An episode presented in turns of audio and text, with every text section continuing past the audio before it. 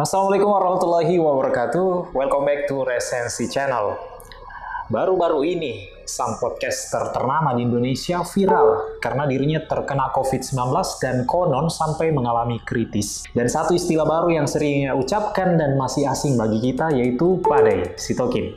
Apa itu badai sitokin? Mari kita ulas istilah itu melalui buku terbaru Agus Mustafa yang berjudul Badai Sitokin dan Zikir Bawah Sadar. Sampai tulisan ini saya buat virus COVID-19 terus menyerang orang-orang di berbagai belahan dunia. Bahkan virus ini sangat cepat melakukan modifikasi agar tetap hidup dan eksis. Berbagai varian virus ini mulai bermunculan dari varian Delta hingga yang terakhir varian Lambda yang menurut ilmuwan dapat menembus sistem imun yang dibentuk oleh vaksin saat ini. Walau kepanikan yang ditimbulkan oleh COVID-19 saat ini tidak lagi seperti awal kemunculannya, yang menyebabkan hampir sebagian besar negara menerapkan lockdown dan menimbulkan kepanikan yang luar biasa, namun kita tetap harus waspada karena masih banyak misteri tentang virus COVID-19 yang belum terpecahkan. Kembali melakukan aktivitas dan disiplin menerapkan protokol kesehatan adalah solusi untuk tetap hidup berdamai dengan kenyataan hidup. Tengah aturan yang diterapkan oleh pemerintah melalui PPKM atau pembatasan pemberlakuan kegiatan masyarakat. Belajar dari mereka yang pernah terinfeksi virus ini dan mampu bertahan juga penting. Dari situ kita paham bahwa ilmu kesehatan bukan hanya untuk tenaga medis, tapi kita penting memiliki ilmu tersebut untuk melakukan pencegahan atau sebagai panduan untuk bisa sembuh. Buku berikut adalah deskripsi kisah Agus Mustafa yang berjuang bertahan hidup dari serangan virus COVID-19. Dibagi menjadi tiga bagian. Yang pertama terserang COVID-19, masuk ke rumah sakit, dan jejak pasca COVID-19. Terdiri dari 167 halaman, karena bentuknya kumpulan catatan, maka cukup mudah untuk diselesaikan. Cukup banyak istilah yang harus kita ketahui. Dari buku ini kita belajar bahwa kita perlu berjuang untuk melawan virus ini jika sudah terjangkit di tubuh kita.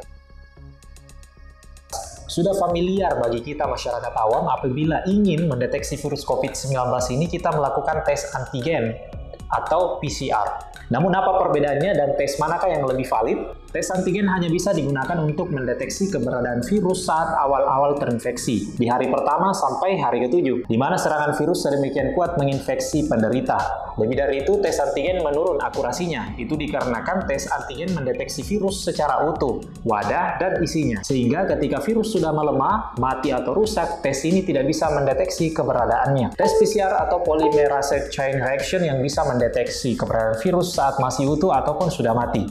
Bahkan yang sudah sudah tinggal sisa-sisa pecahan, tubuh virus pun terdeteksi. Bukan cuma beberapa hari, melainkan sampai 3 bulan setelah dinyatakan negatif. Selain itu, dari angka CT, cycle threshold, tes PCR bisa diketahui tingkat keparahan si penderita. Jika angka CT masih di bawah 24, maka si penderita sedang dalam keadaan yang sangat infeksius bagi dirinya maupun gampang menular ke orang lain. Jika angkanya antara 24 sampai 38, kondisi virusnya mulai menurun tetapi masih infeksius. Sedangkan antara 38 sampai 40, virusnya sudah melemah dan tidak menular lagi. Perlu diperhatikan bahwa tidak semua yang dinyatakan positif COVID-19 memiliki gejala anosmia. Anosmia yaitu kehilangan perasa dan penciuman namun ada juga yang tanpa gejala yang sering diistilahkan dengan OTG, orang tanpa gejala. Jadi yang positif tetap memerlukan isolasi mandiri jika belum merasakan sesak napas. Cara melakukan isolasi mandiri pada prinsipnya adalah menjaga stamina tubuh tetap bagus. Makan dan minum, cukup olahraga, cukup istirahat, berjemur matahari pagi, dan tidak boleh panik atau stres. Beberapa obat-obatan vitamin dan suplemen yang dikonsumsi selama isolasi mandiri di antaranya antibiotik azithromycin atau Citromax 500 mg diminum minimal selama 10 hari. Antivirus Fluvir 75 mg, anti batuk pengencer dahak Fluimucil 200 mg, anti radang dexamethasone 0,5 mg, penurun panas paracetamol atau Sanmol, multivitamin C 1000 mg, suplemen zinc, Lian Hua 3 kali 4 kapsul, berjemur matahari pagi setidaknya 15 menit, tidak boleh stres dan panik. Tubuh kita adalah dokter sesungguhnya. Keyakinan kita akan berpengaruh ke tubuh. Efek placebo adalah suatu proses kesembuhan dikarenakan adanya keyakinan yang kuat pada diri si penderita. Tubuh kita memang canggih dan memiliki prinsip homeostasis atau prinsip keseimbangan. Homeostasis adalah kemampuan tubuh manusia untuk melakukan adaptasi terhadap tantangan dan perubahan lingkungannya. Misalnya ketika suhu dan perubahan lingkungan naik, maka tubuh akan mengeluarkan keringat untuk mendinginkan. Sebaliknya, jika suhu turun, maka tubuh akan membongkar cadangan energi untuk menghangatkannya. Mekanisme ini sangat dipengaruhi oleh sikap hati kita. Jika sudah mengalami sesak napas dan suhu tubuh sudah tinggi, maka sudah wajib dirawat di rumah sakit. Namun sangat perlu ruangan untuk pasien COVID-19 ini dilengkapi dengan alat medis yang canggih untuk mendukung proses pemulihannya melawan virus ini. Jika tidak, maka mustahil melakukan bantuan. Perlu diketahui ciri-ciri kritis yang memerlukan perawatan yang intensif, di antaranya suhu normal pada anak-anak yaitu 36,1 sampai 37,7 Celcius dan suhu normal pada orang dewasa yaitu 36,6 sampai 37,5 derajat Celcius. Di atas itu maka sudah tidak normal lagi. Sedangkan saturasi oksigen menurut oximeter sudah tidak normal jika di bawah 95%. Biasanya mereka yang sesak napas mengalami pneumonia. Pneumonia atau dikenal dengan istilah paru-paru basah. Pada kondisi ini, infeksi menyebabkan peradangan pada kantong-kantong udara atau alveoli di salah satu atau kedua paru-paru. Akibatnya, alveoli bisa dipenuhi cairan atau nanas sehingga menyebabkan penderitanya sulit bernapas. Tes darah lengkap menunjukkan di antaranya angka CRP, C-reactive protein. CRP adalah angka yang menunjukkan terjadi infeksi dan peradangan di dalam tubuh seseorang. Normalnya adalah di bawah 1. Jika hasil tesnya antara 1 sampai 10 menunjukkan terjadi peradangan dalam level sedang dan jika lebih dari 10 menunjukkan terjadi peradangan yang berat. Tes darah normal yaitu antara 120 sampai 80 mmHg. Angka denyut nadi normal di antara 60 sampai 80 denyut per menit. Dedimer adalah pemeriksaan laboratorium untuk melihat kecenderungan darah untuk membeku. Pada penderita COVID COVID-19 semakin tinggi nilai D-dimer, maka semakin besar resiko pasien mengalami sumbatan atau emboli paru. Tujuan pemeriksaan agar dokter dapat menentukan terapi yang tepat untuk meningkatkan kesembuhan pasien. Normalnya di bawah 500 Ng per ml.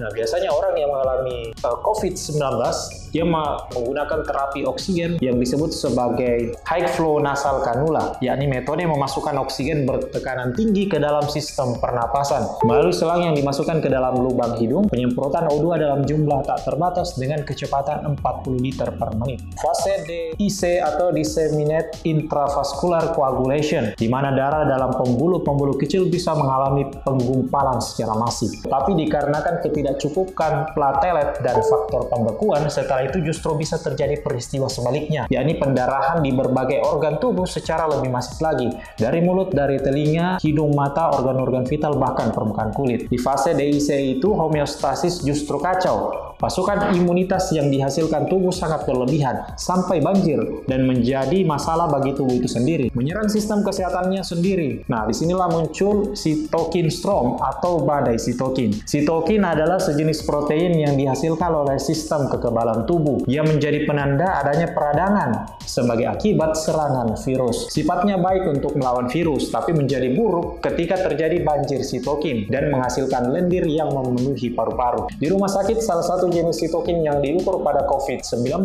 adalah interleukin 6. Bila kadar interleukin 6 meningkat tajam, secara umum tubuh akan panas dingin, menggigil, nyeri sendi, dan nyeri otot. Efek pada otak pusing, kepala terasa berat, hipnosia, gagal fokus, muncul efek neurotoksik sehingga memicu anosmia, yakni kehilangan penginderaan pada penciuman dan rasa. Ada saluran pencernaan, perut terasa penuh, mual, muntah, dan kehilangan nafsu makan. Pada paru-paru, nafas terasa berat, nafas pendek, nafas cepat, dan tersenggal-senggal. Distres pernafasan akut, ujung-ujungnya gagal napas, meninggal.